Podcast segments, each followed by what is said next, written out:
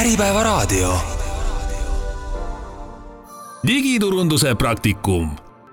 saate toob teieni kolmeteistaastase CRM kogemusega Salesforce partner Eestis GBC tiim.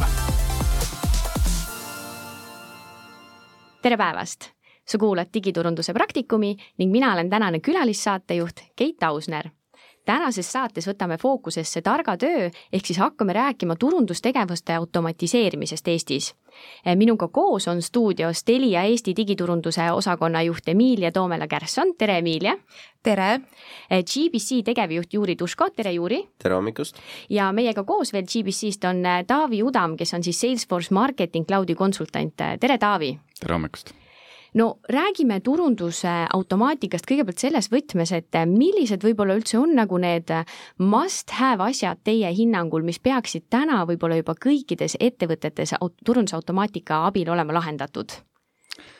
Äh, turundusautomaatika tuleb appi just nendes olukordades, kus kohas on näiteks rutiinne töö, et tuleb kogu aeg ühte ja sama asja uuesti ja uuesti teha, eks ole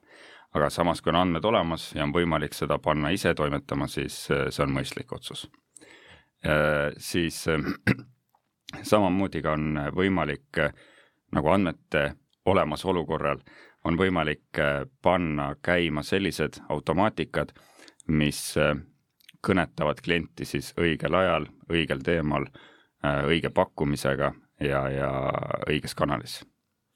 et need on paar sellist äh, nüanssi. Emilia, mis sinu kogemus on, sina reaalselt töötad turundusautomaatikaga ja sul on ka pikaajaline ajalugu juba sellel teemal, et mis sinu hinnangul on need sellised must have asjad, mis peaksid olema turundusautomaatikaga tehtud?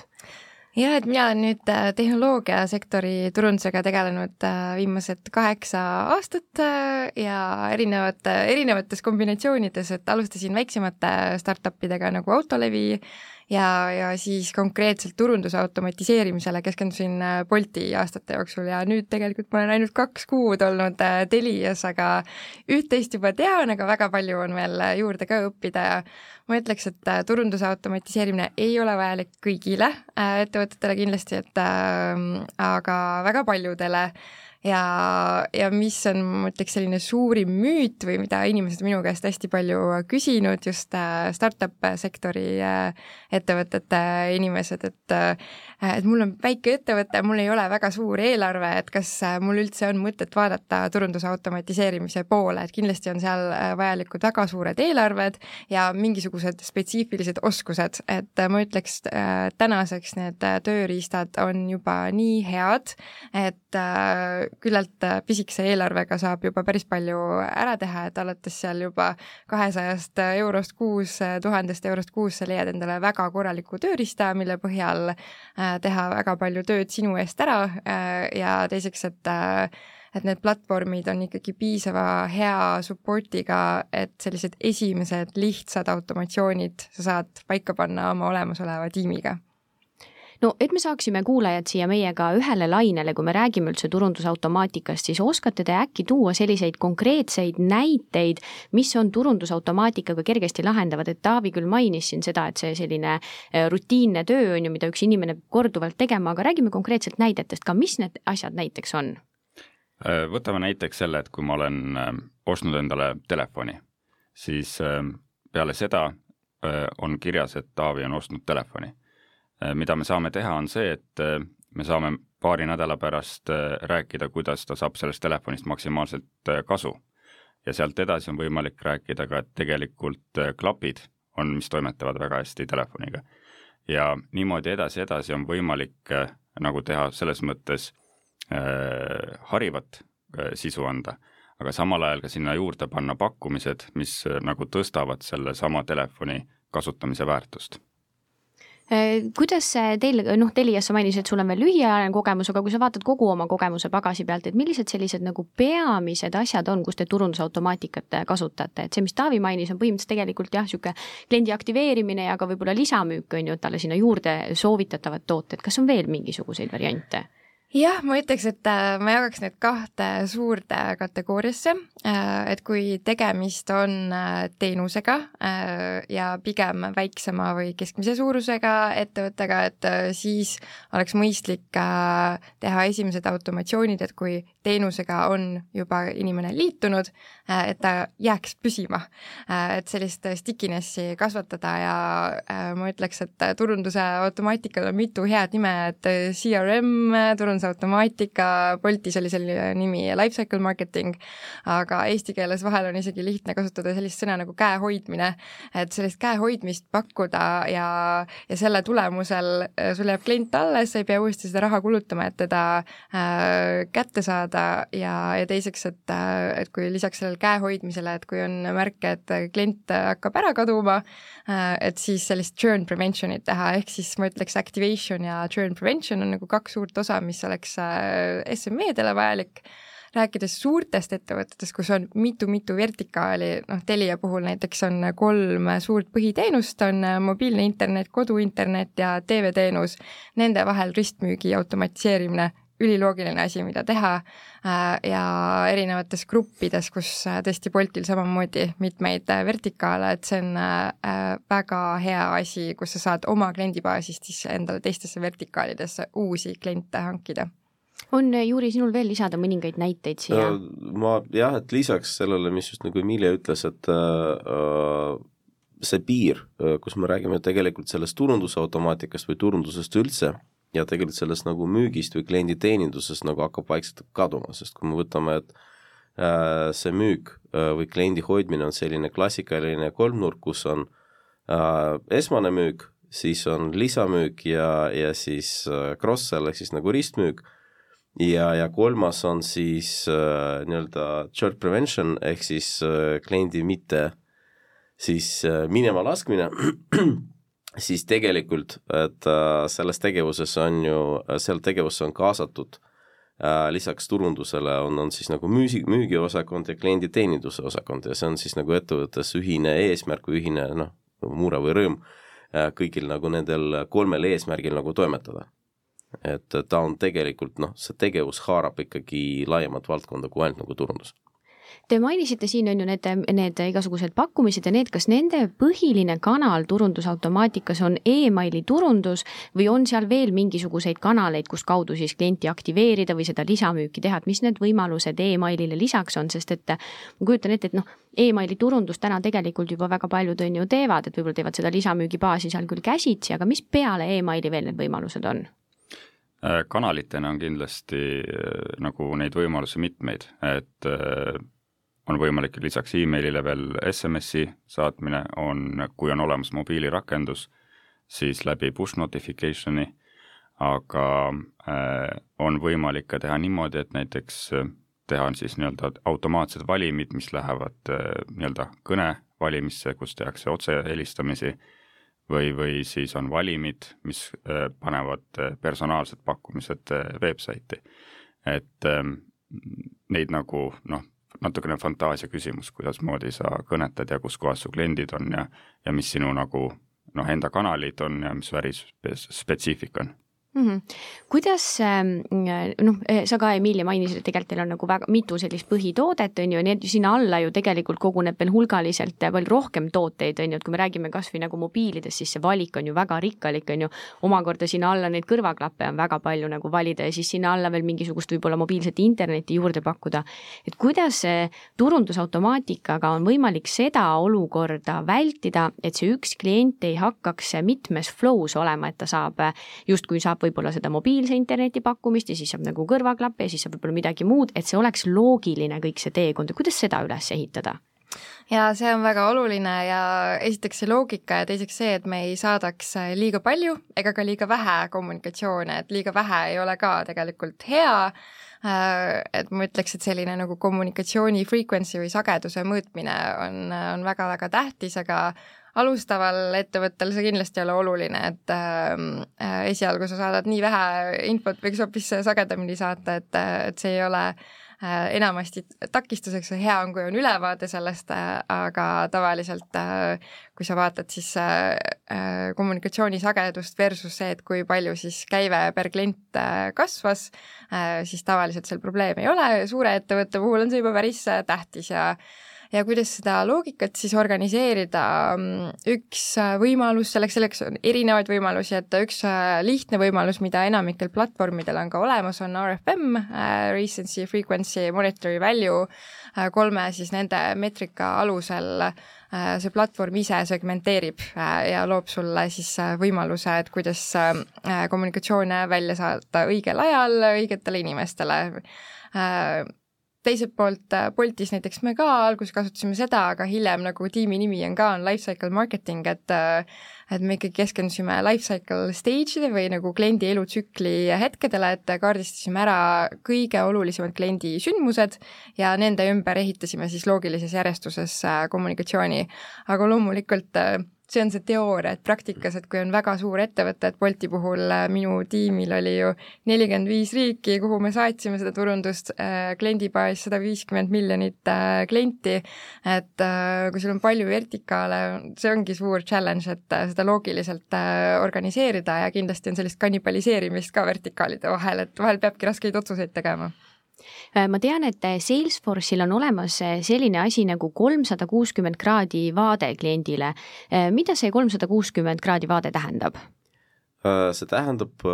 pigem seda, et sa tunnedki oma klienti äh, igalt poolt, et sa tunned äh, oma klienti selles osas, mis sul äh, müügis toimub, et äh, antud, siis sa tead, kui palju see, selle, selle kliendiga ja mis kanalites seda temaga kommunikeeritakse äh,, kas üle kommunikeeritakse, alla kommunikeeritakse, siis sa tead ka selle kliendi kohta, kas äh, kui rahul ta on sinu ettevõtte või sinu teenustega üldiselt ja kui me viime kõik need, äh, kõik need äh, vaatepunktid nagu kokku, siis tekibki selline ühine kliendi kolmsada kuuskümmend vaade, kus sa tegelikult tunned oma kliendi nagu igalt poolt. ehk siis ja ka sinu ettevõtte kliendi jaoks ei ole eraldi turundusosakond, ei ole eraldi müügiosakond, ei ole teenindusosakond, vaid näiteks noh, Telia puhul ainult üks Telia ka, eks, ja vahet isegi ei ole, kas sa oled äriklient või sa oled nagu eraklient, et sa oled, sinu jaoks on olemas ainult üks ettevõte, kes tunneb sind tegelikult nagu igas olukorras et äh, see kolmsada kuuskümmend vaade on tegelikult täpselt äh, see sisend selle jaoks, et sa räägid õigel teemal kliendiga. et kui mul on telefon ostetud, mul on mobiilne data juba olemas, siis ma mobiilsest datast noh, ei pea rohkem rääkima, kui, kui ei ole paremat pakkumist teha näiteks et siis ongi niimoodi, et sellest vaatest sa saad aru, mis temaga juhtunud on ja sa saad segmenteerida ja vastavalt siis õigeid sõnumeid sättida me oleme hästi palju siin äh, maininud andmeid, on ju, et kõige aluseks on ikkagi andmed, mille alusel neid teekondi ehitada ja, ja mis sinna sisse, automaatikale sisse tuleb nagu anda. mis see nagu optimaalne kogus on, et ma tean, et noh, kui me nagu tihtipeale Eesti ettevõtetega on see, et kui me tahame võtta välisturult mingisuguseid lahendusi äh, kasutusele, äh, siis juhtub see, et meil on liiga vähe andmeid, on ju, et, et sealt mingisuguseid nagu mustreid välja, välja kujundada. et kuidas, mis teie hinnangul on, kui palju peaks olema üldse ettevõttes andmeid, et mõelda selle peale, et kas ma võiksin võtta kasutusele turundusautomaatika, kas see aitaks mul kuidagi käivet kasvatada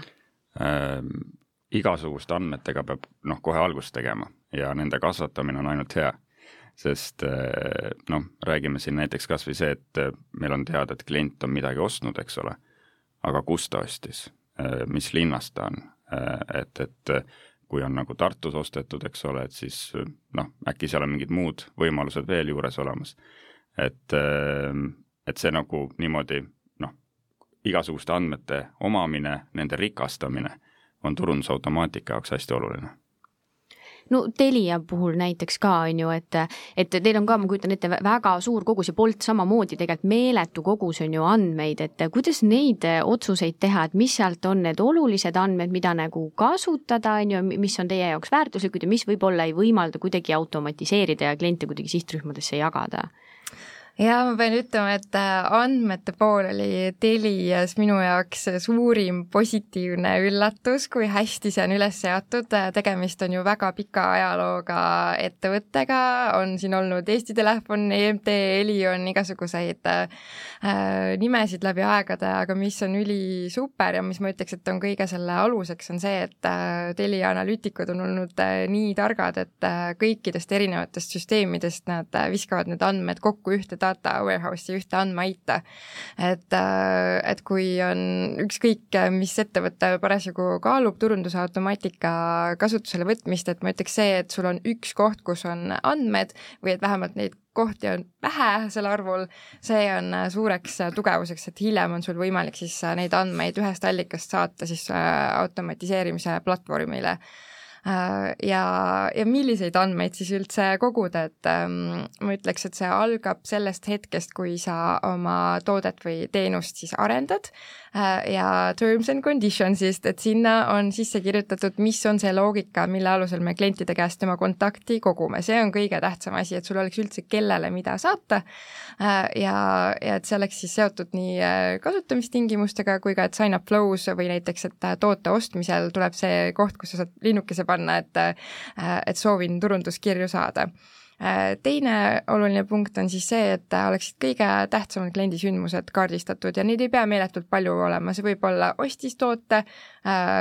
lisas toote ostukorvi, aga ei ostnud seda, juba selle põhjal saab väga palju asju ära teha. Äh, või teenuse puhul, et liitus teenusega, kui palju ta on seda viimasel kuul kasutanud, äh, loobus teenusest. Nendest kolmest asjast saab äh, meeletu arv automatsioone juba teha, et erinevaid andmepunkte kohe alguses ei olegi üldse vaja Juri, kuidas see sinule tundub? jaa, lisaks sellele ainult seda, et, et pigem siin nagu ei ole oluline niivõrd andmete hulk, kuivõrd nagu andmete kvaliteet ehk äh, noh, siin Emilia jälle tõi näiteks, et nagu nendest kolmest sündmusest või kolmest atribuudist nagu piisab sellest, on juba päris palju nagu kommunikatsiooni üles ehitada. oluline on see, et lihtsalt see oleks nagu kvaliteetne, adekvaatne. ja et äh, siin ongi see, et sa võid korjata neid andmeid, aga kui sul tekib väga palju duplikaate näiteks või sa ei suuda nagu näha äh, noh, kolme aadressi taga ühte inimest, et, et siis äh, võib ka see nagu kommunikatsioon natukene noh, ebaadekvaatseks minna. aga samas ei ole see ju tegelikult üldse ebatavaline, et klient on seotud ettevõttega mitme erineva nurga alt, et ta ongi võib-olla ühe nurga alt on ta äriklient, ühe nurga alt on ta nagu eraklient, on ju, et kas näiteks äri ja erakliendi kommunikatsioon selles suhtes tuleks hoida lahus, et tal on nagu kaks liini justkui, või see klient tuleb ikkagi teha üheks? Äh, tuleb teada, et on üks inimene, aga ta on erinevates rollides ja, ja see just nagu see kolmsada kuuskümmend vaade tegelikult eh, noh, seal tuleb ta hästi noh, olulisse, oluliselt nagu pilti, et kui eh, nüüd ettevõte otsustab, et me nii-öelda klientide andmeid hakkame rikastama või, või koguma, et siis tuleb läbi mõelda see, et kuidasmoodi hoida siis see unikaalsus ja, ja ka see, et sa tead tõesti, et, et ta on noh, ostnud siit tööriideid Stalkeris meilt, eks ole, või, või, või et ta on nagu noh, suure ettevõtte esindaja, kes on suure traktori näiteks ostnud, eks ole. et seda tuleb noh, niimoodi üles ehitada õigesti eh, sa mainisid, Emilia, sellist huvitavat asja nagu andmeait, on ju, osa ütleb veel siin data lake ja data pool selle kohta ja nii, räägi natuke kuulajatele ka lähemalt, et mis asi see on, mis on andmeait?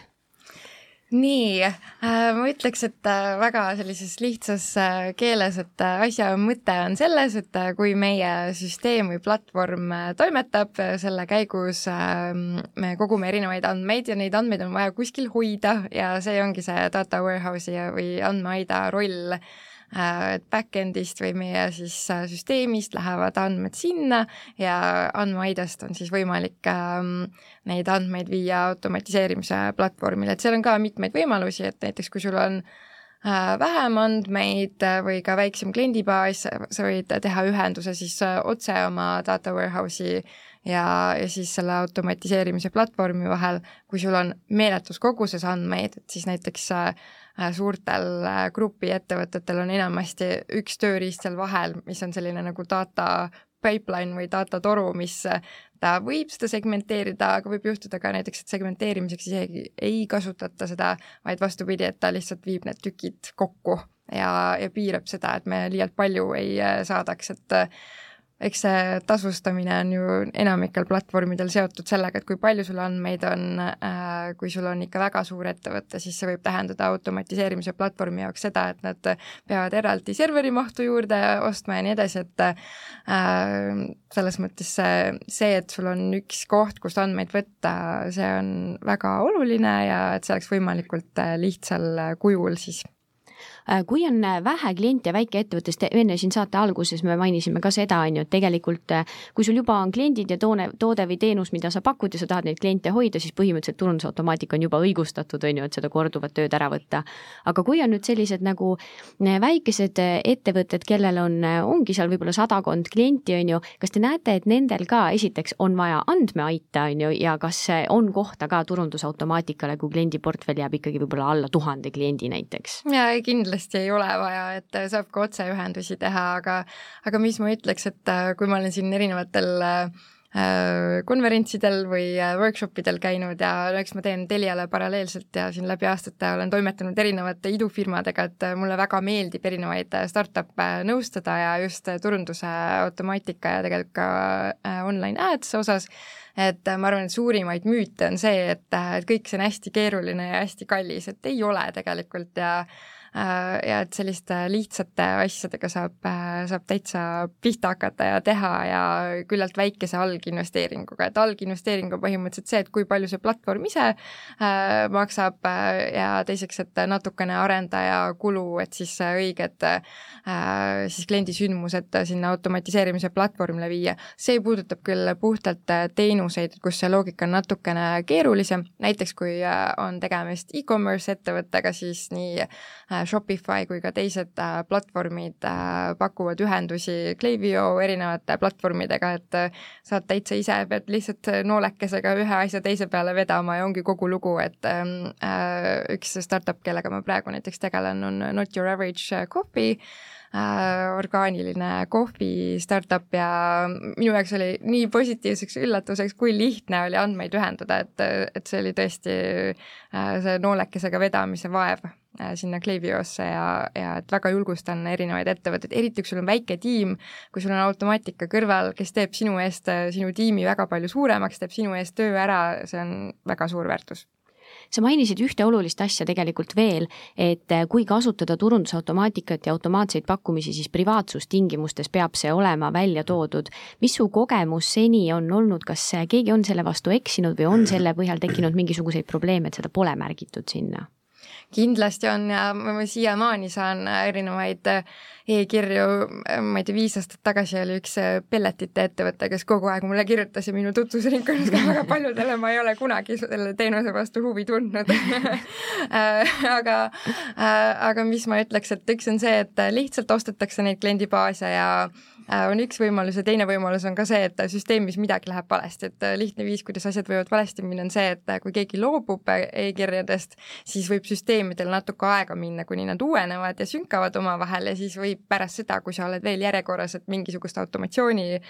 kirja saada, võib juhtuda, et see läheb sulle välja, et üks asi, mis, mis ma välja tooks selle teema juures, on see, et ähm, enamasti viidatakse GDPR-ile, kui räägitakse, et äh, turundusnõusolekutest, sellistest asjadest, tegelikult äh, üks palju olulisem dokument siin on äh, Privacy Act, mis on Euroopa Komisjoni siis välja antud, et see defineerib ära, et mis on otseturundus, see on email ja SMS ja näiteks push notification, mis on siis konkreetselt isiklikus kanalis esitatav, aga paljud ettevõtted teevad otseturunduse kanalite all ka näiteks näitavad bännereid nii oma veebilehel kui ka äpis, et see, selle puhul ei ole vaja nõusolekut. et ma olen märganud, et ka mõned startup'id, kes ei teadnud äh, selliseid erisusi, et äh, selle jaoks ei ole vaja eraldi nõusolekut koguda, et sa saad seal kõike teha, mis, äh, mis vaja Need GDPR ja Privacy Act ja igasugused Euroopa Liidu regulatsioonid kõlavad hästi sageli inimestele hirmuäratavalt, on ju, igasugune seadusandlus ja dokumentides sobramine kõlab vahel õudselt ja lihtsam tundub jätta see kõrvale. kas sul on mingi hea soovitus neile, kes, keda see hirmutas siin natuke, mida sa ütlesid, et mis see tegelikult tähendab hästi lihtsas niisuguses talupojakeeles, et mis sinna privaatsustingimustesse kirja tuleks panna, et seda tohiks teha? Äh, no kaks asja, et, et esiteks, et inimene on teadlik sellest, et teda võib keegi siis kõnetada e-kirjadega või ma iseenesest märgiks sinna erinevad kanalid ära et oleks see teadlikkus olemas ja, ja teiseks, et, ähm, et see peab olema väga lihtne, et kuidas kirjadest loobuda. et, ähm, et kohati arvatakse, et kui see võimalikult pisikesse kirja panna, see äh, loobumise äh, moment, et siis hoiame klienti edasi, aga, aga kui kommunikatsioon ei ole relevantne, siis ei tule sealt ilmselt ka neid tulemusi, et ei ole mõtet seda suruda, vaid see võimalikult lihtsaks teha ja teine asi, mis, mis muidugi eriti suurte ettevõtete puhul on hästi tähtis, et et äh, peab olema korralik logi sellest, et äh, milliseid kommunikatsioone siis äh, inimestele saadeti, see on seaduses täitsa reguleeritud, et see peab olema ja, ja teiseks, et kuidas me siis äh, isikuandmeid säilitame, et need oleks väga turvaliselt ja neid saaksid vaadata siis ainult need, kellel tõesti on vaja seda, kelle tööga on see seotud, et turunduses tegelikult ei ole absoluutselt vaja seda, et seal me vaatame ikkagi sihtgrupi tasandil ja absoluutselt mitte siis äh, konkreetse isiku tasandil, et mida tema siis nüüd täpselt ostis, et mis värvi need kõrvaklapid äh, ta võttis siis, et et seda turundajal isiklikul tasandil ei ole vaja teada no käibe kasvatamine on tegelikult ju üks kõige olulisemaid põhjuseid, miks me üldse mingisuguseid asju kasutusele võtame ja miks me üldse selliste võib-olla turundusautomaatika lahenduste peale eh, vaatame, on ju, sest ka see, kui jääb lihtsalt tööd vähemaks, tegelikult tähendab, et kuskilt peaks midagi juurde tulema. Emilia, mis sinu kogemus täna näitab turundusautomaatika koha pealt, et kas ja kui palju see reaalselt käivet aitab kasvatada? Vot siin mul on üks hea lugu jagada täiesti algusaegadest, et ähm, aastal kaks tuhat viisteist, kui ma Autoleviga liitusin, mis on siis autorendi startup, nüüd see kuulub Forus Grupi alla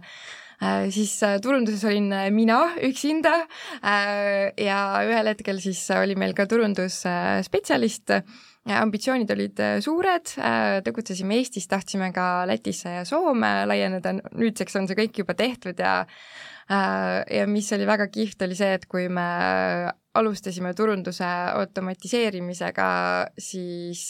meie peamine kanal olid siis emailid, hästi natukene tegime ka SMS-turundust, aga ma ütleks, et selline äh, korra kvartalis. aga puhtalt siis äh, ikkagi nendest emailidest äh, peamiste kliendisündmuste põhjal automatiseerisime kommunikatsioone ja ettevõte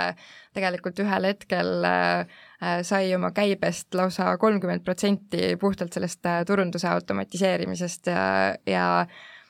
no võib-olla nüüd on see isegi nagu naljakas vaadata, et kui lihtsalt me kõike seda tegime. näiteks kõige lihtsamad automatsioonid ei olnud üldse mingisuguse platvormi peal, vaid need olid cronjobidena. Äh, mis siis, see tähendab? Äh, just tahtsingi rääkida, et, äh, et enamasti selleks ähm, kasutatakse siis väga lihtsat automaatikat otse siis back-end süsteemidest, et ähm, tere tulemast või welcome emaili sa saata, aga meil oli piiratud eelarve, meie kasutasime seda palju rohkemateks asjadeks, näiteks ja äh, lihtne näide sellest, et, ähm, et milline see välja näeb, on see, et äh, kui äh, klient oli liitunud, aga ta ei olnud autot veel rentinud, siis ta sai meie sealt back-end süsteemist otse e-kirju. et väga-väga lihtne oli see kõik ja hiljem, kui siis Äh, MailChimpile tekkis juurde Mandrilli võimekus, siis selle kaudu me automatiseerisime äh, juba nagu paremini ja targemalt äh, erinevaid tegevusi, et, et jah, selles mõttes väga lihtsate vahenditega on võimalik väga okeid asju teha. no Taavi, sina oled mõnda aega selles valdkonnas ka nüüd olnud, kas ja milliseid edulugusid sina oled näinud käibe kasvatamise osas, kui turundusautomaatika on võetud tiimi liikmeks? ma iseenesest ei jääks selle käibe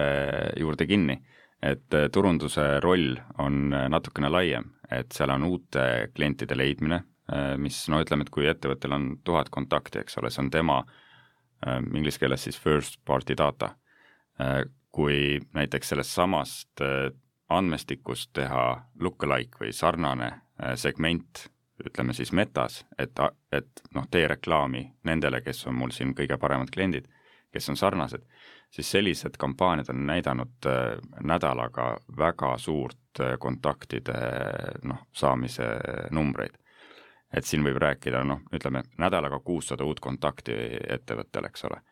et see on äh, selline mm, noh, väga kiire ja tõhus efekt kohe. teine nüanss, mis nagu turundusautomaatika puhul on see, et okei okay,, on käivet juurde vaja, aga teisest küljest on vaja ka inimesi, inimestel või töötajatel turundusosakonnas võtta ära seda koormust, mis on rutiini all ja et nad saaks nagu targema ja, ja sisukama tööga tegeleda, eks. ja, ja seda on noh, võimalik teha, et, et kui sul on sellised igakuised boonussaldo teavitused, et siis see tiksub ise, ta läheb iga kuu neljandal välja ja sa ei pea enam kunagi selle peale mõtlema.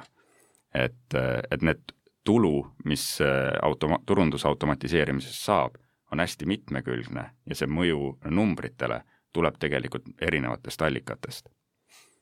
Jüri, mis sinu kogemus on Äh, ma lisaks võib-olla natukene teisest küljest seda, et äh, me siin vaatasime kõike seda nagu ettevõtte poole pealt, mina tooks välja selle nagu selle tarbija komponenti siia. väga et, oluline tegelikult jah, et äh, ju me kõik midagi, midagi nagu tarbime, on ju, ja teinekord meid võib-olla need nagu need kirjad või siis nagu SMS-id häirivad, esiteks, ja teiseks, et nagu siin eel, eespool nagu kõlas, on see, et me kardame, et meie andmed lähevad kusagile, et ja nendega tehakse midagi et aga siin äh, oluline mõiste on see, et seda tehakse mitte ainult nagu selle ettevõtte käibe kasvatamiseks, vaid ka nagu selleks, et äh, see teenus kliendi jaoks oleks personaalne. et äh, uuritakse siis äh,, mida ta on teinud kodulehe peal, kui me räägime nendest cookidest, eks, et äh, ja siis millised kirju ta ennem on saatnud, see on kõik nagu selleks, et jällegi järgmine kiri või järgmine kord, kui ta tuleb äh, ettevõtte veebilehe peale, pakkumine tema jaoks oleks nagu personaalsem. Ja, ja kliendi poole pealt nagu vaadates see on nagu pigem hea, mina küll, minule küll nagu meeldiks nagu saada nagu pigem personaalseid pakkumisi kui ebamäärased emailid aga kui me räägime näiteks tüüpilisest eh, e-poest, on ju, siis tegelikult no tooteühikute arv on seal meeletult suur, on ju. et eh, ja, ja pakkuda ei tahaks ju nii, et ainult seda ühte toodet, vaid ikkagi mingisugust nagu toodete valikut või seda, et kuidas mm, kuidas seda korraldada, et kui sul ongi meeletult suur tooteportfell, et, et kliendini nagu tuua need, noh, et mitte ainult ühe tootega läheneda, on ju, kui mul ongi kuus tuhat ühikut tooteid, ma ei jõua kuus tuhat korda teda kõnetada, kuigi need võivad teda huvitada, eriti kui me räägimegi jah, ma ei tea, rõivabrändidest näiteks on ju, või mingisugusest äh, kosmeetikast või mis iganes, et et äh, kuidas sellise rikkaliku tooteportfelli juures tagada seda, et ikkagi nagu äh, viia võimalikult palju tooteid kliendini, aga võimalikult personaalselt? ma ütleks seda, et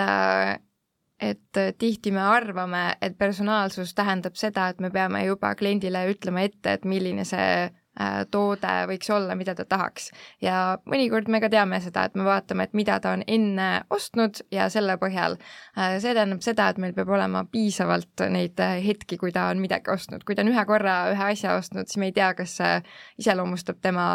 ostuharjumusi või mitte. seega parem lähenemine kohati on isegi see, et näidata, et meil on lai valik Äh,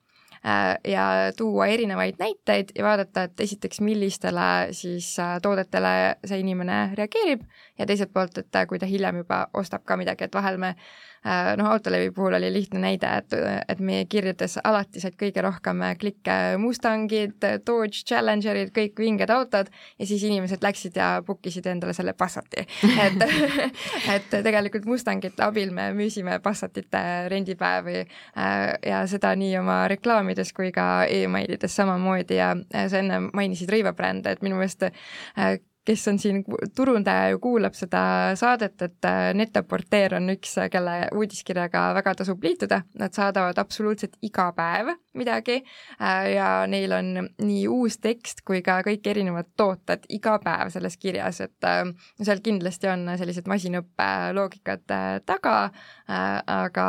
aga jah, et, et see on hästi huvitav, kuidas nad seda teevad ja selline hea industry näide, et kust, kust saab õppida. Äh, selle nagu relevantse pakkumise tegemise puhul äh, aitab kaasa ka tegelikult platvormi valik, et kui noh, näiteks rääkida Marketing Cloudi platvormist, siis äh, sinna on juurde pandud äh, selline mehike nagu Einstein, mis on tehisintellekt. ja kui see on e-poega ilusti integreeritud, siis ta oskab soovitada nüüd igale kliendile äh, nagu tooteid, mis noh, on läbi, üle vaadatud terve kliendi baasi pealt et eh, see aitab natukene kaasa, aga noh, seda peab muidugi ka vaatama, et, et kas alati ta noh, adekvaatne või pädev on. aga selle jaoks peab olema ikkagi juba ju korralik eh, kogus andmeid ja korralik kogus neid oste juhtunud, et ta suudaks viia kokku neid seoseid, on ju, et kliendid, kes ostsid toodet A, et tõenäoliselt ka toode B, et seda otsust me enam ei saa ju pelgalt saja kliendi pealt teha, on ju konkreetselt see Einstein, tema vaatab sinu kliendibaasi ainult ja ta teeb selle ajaloo pealt siis soovitusi. et, et see on nii-öelda, kui Einstein on saanud piisavalt kaua vaadata, mida on ostetud, mida on juurde ostetud mida, et siis selle pealt on võimalik juba ilusaid pädevaid pakkumisi teha. Räägi sellest Einsteinist natukene lähemalt, sest tegelikult oma olemuselt tegemist on tehisaruga, on ju, ja meil on ju praegu täielik tehisaru buum, kõik otsivad äh, kõikvõimalikke viise, kuidas tehisaru oma ellu kaasata. et üks asi siis mainisid selle Einsteiniga, et on teha seda nii-öelda soovitatud toodete pakkumist, kui sul on meeletult suur tooteportfell, mida, mida Einstein veel oskab andmete pealt teha või ennustada? päris palju, et näiteks üks asi ongi see, et äh, ta suudab äh, ennustada, kas hakkad uudiskirjast loobuma või mitte. Ta teab, äh, kui, kas sa oled ülekommunikeeritud, alakommunikeeritud või sa oled täpselt kommunikeeritud. ja see annab võimaluse, et need, kes on kommunikatsiooni nagu liiga palju seda saanud, et siis neid on võimalik teekonnal juhtida kas siis teise kanalisse või, või anda neile rahu et, et siis hoida seda kontrolli all ja noh, klient tunneks ennast natukene rahulikumalt võib-olla siis. Teine asi on, ta aitab ka äh, ajastada sõnumite väljasaatmist vastavalt siis klientide varasemale äh, kaasatusele või engagement'ile, et ta oskab öelda, et mis kellaajal, mis päeval on kõige targem see kiri välja saata. et, et ta oleks nagu postkastis seal kõige kõrgemal kohal või esimene ja lisaks on veel seal, ta loob persoonasid, äh, on võimalik ka teha äh, ingliskeelse nii-öelda content'i puhul on võimalik teha ka siis niimoodi, et sul on casual persona ja professional persona ja ta on võimeline ka seal siis nagu teksti kokku panema ise ja, ja soovitama. sest ta vaatab kogu seda ajalugu ja ta suudab selle pealt nagu teksti ka ise koostada. Eesti keeles see veel praegu ei toimi aga kuidas nüüd see üks turundaja, kes peaks seda kõike või siis see andmearhitekt või noh, kes selle turundusautomaatikaga on ju tegeleb, suutma seda kõike hoomata, kui mul on nüüd juba selline olukord, kus igale kliendile läheb erineval kellaajal erineva sõnumiga eh, sisu, et kuidas ma jälgin neid mm, KPI-sid või nagu neid mõõdikuid, et kas see nüüd siis töötab või kui iga klient saab erineva sisu? Äh, no selle jaoks on üks variant on kontrollgruppide äh, omamine aga, aga see ongi see, et, et ta on tegelikkuses nagu abiline ja see nii-öelda tulemuste pealt on pärast võimalik näha, et kas mingist äh, Einsteini abist oli kasu või ei olnud. kas näiteks unsubscribe rate on äh, alla läinud, on ta jäänud samaks või on ta tõusnud, äh, kas käive, pakkumised on olnud nagu sellised, et on mindud ja ära ostetud, eks ole. Et äh, neid saab nagu noh, mitme nurga alt äh, vaadata aga kuidas te täna saate äh, robotiklikkide vastu, et tegelikult meil kõik emaili platvormid täna on hädas sellega, äh, just kui me räägime B2B emailidest, on ju, et paljudes ettevõtetes on kasutusele võetud robotid, mis enne töötajad klikivad meilid läbi, et veenduda selles, et tegemist ei ole, on ju, noh, et tegemist ei ole mingisuguse pahavaraga. ja need klikid ju tegelikult lähevad arvesse, ta võtab need robotiklikid arvesse nii avamisel kui ka klikkamisel, on ju. kas te olete kuidagi äh, suutnud sellest mööda minna, et ta ei, et see nagu statistika ei oleks kallutatud nende robotite klikkide tõttu? praegu on paraku jah, ütleme selliseid mm, no selles turvalisuse mõttes õigeid äh, kaitsemehhanisme loodud, eks ole, ja samal ajal on ka privaatsuse poolest palju edasi mindud, et Apple on juurutanud selle mail privacy protection programmi, mis tähendab, et iga kiri, mis läheb email äh,, Apple'i meili klienti, on turundaja jaoks juba avatud materjal. Äh,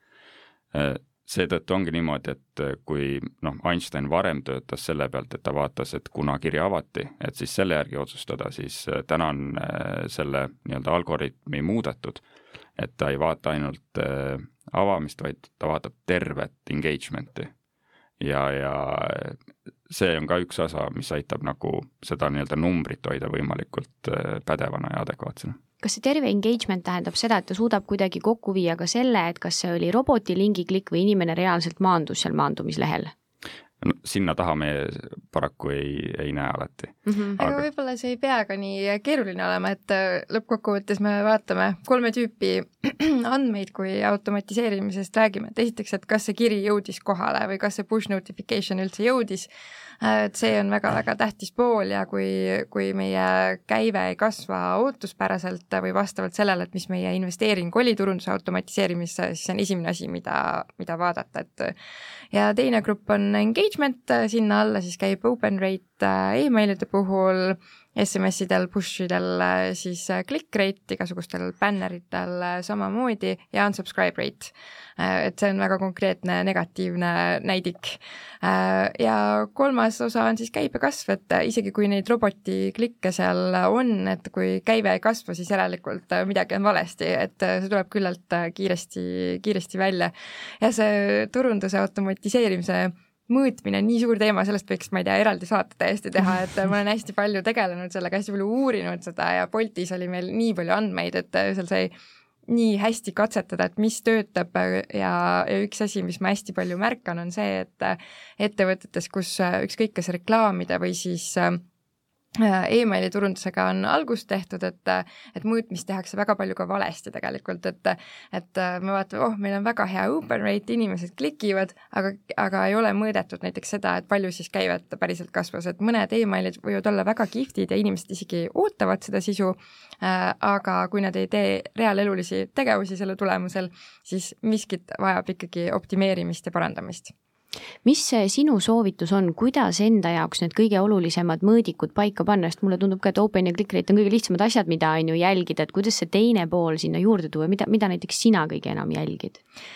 Äh, mina jälgin no Telia puhul äh, kahte asja, et esiteks äh, käivet, mis siis turunduse automatiseerimise tegevuste tulemusel tuleb ja teiseks NPS-i ehk siis äh, kliendi rahulolu.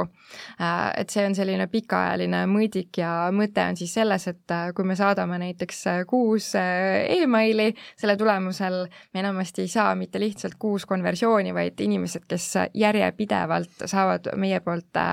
relevantset kommunikatsiooni, siis tegelikult nende konversioonide summa on sünergiline, see on suurem kui see kuus. ja, ja NPS näitab sellist üldist tendentsi, et kuidas läheb ja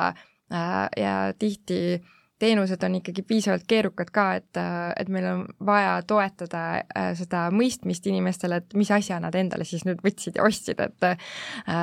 et jah, NPS ja käibekasv, ma ütleks, ja tõesti noh, see kontrollgruppide teema on ülipõnev, ma tahaks sellest väga palju rohkem rääkida, aga aga ütlen hästi lühidalt, et, et siin on kaks vaadet, et ja need platvormid ise võimaldavad seda, et sa saad seada conversion goal'i, siis kliendi sündmuse, mis oli ootuspärane, mida sa tahaksid, et klient ähm, teeks ja on võimalik seada kahte tüüpi siis kontrollgruppe, et äh, üks on see, et äh, klient saab kõiki teisi kommunikatsioone, aga mitte ainult seda ühte, ehk siis kampaania kontrollgrupi ja me näeme, et mis oli selle konkreetse emaili, selle ühe emaili mõju ja teine on selline süsteemi kontrollgrupp, mida saab seada siis näiteks, et kogu su kliendibaasist teatud protsent ei saa üldse kommunikatsioone, kuidas on nende käitumine teistsugune? Ja seal on ka erinevaid äh, võimalusi, kuidas seda teha. Mis ma ütleks, on see, et alustaval ettevõttel, äh, kas ettevõte on alustamas või alustamas äh, turunduse automatiseerimisega, tasub teha AB teste sellisel tasandil, et et mis on siis kampaania kontrollgrupp ja need võimalused on nii Salesforce'is CleverTapis, MailChimpis äh,, igal pool tegelikult äh, olemas, et MailChimpis saab ka väga lihtsaid automatsioone teha Madrilli abil, kuigi see üsna ruttu jääb nagu väikeseks see lahendus, aga, aga kõigil platvormidel on see olemas mul on väga hea meel, et eh, Emilia nagu puudutas seda äh, nii-öelda mõõtmist laiemalt kui ainult engagement, see on äh, minu kogemuse pealt praegu Eestis äh, paraku üks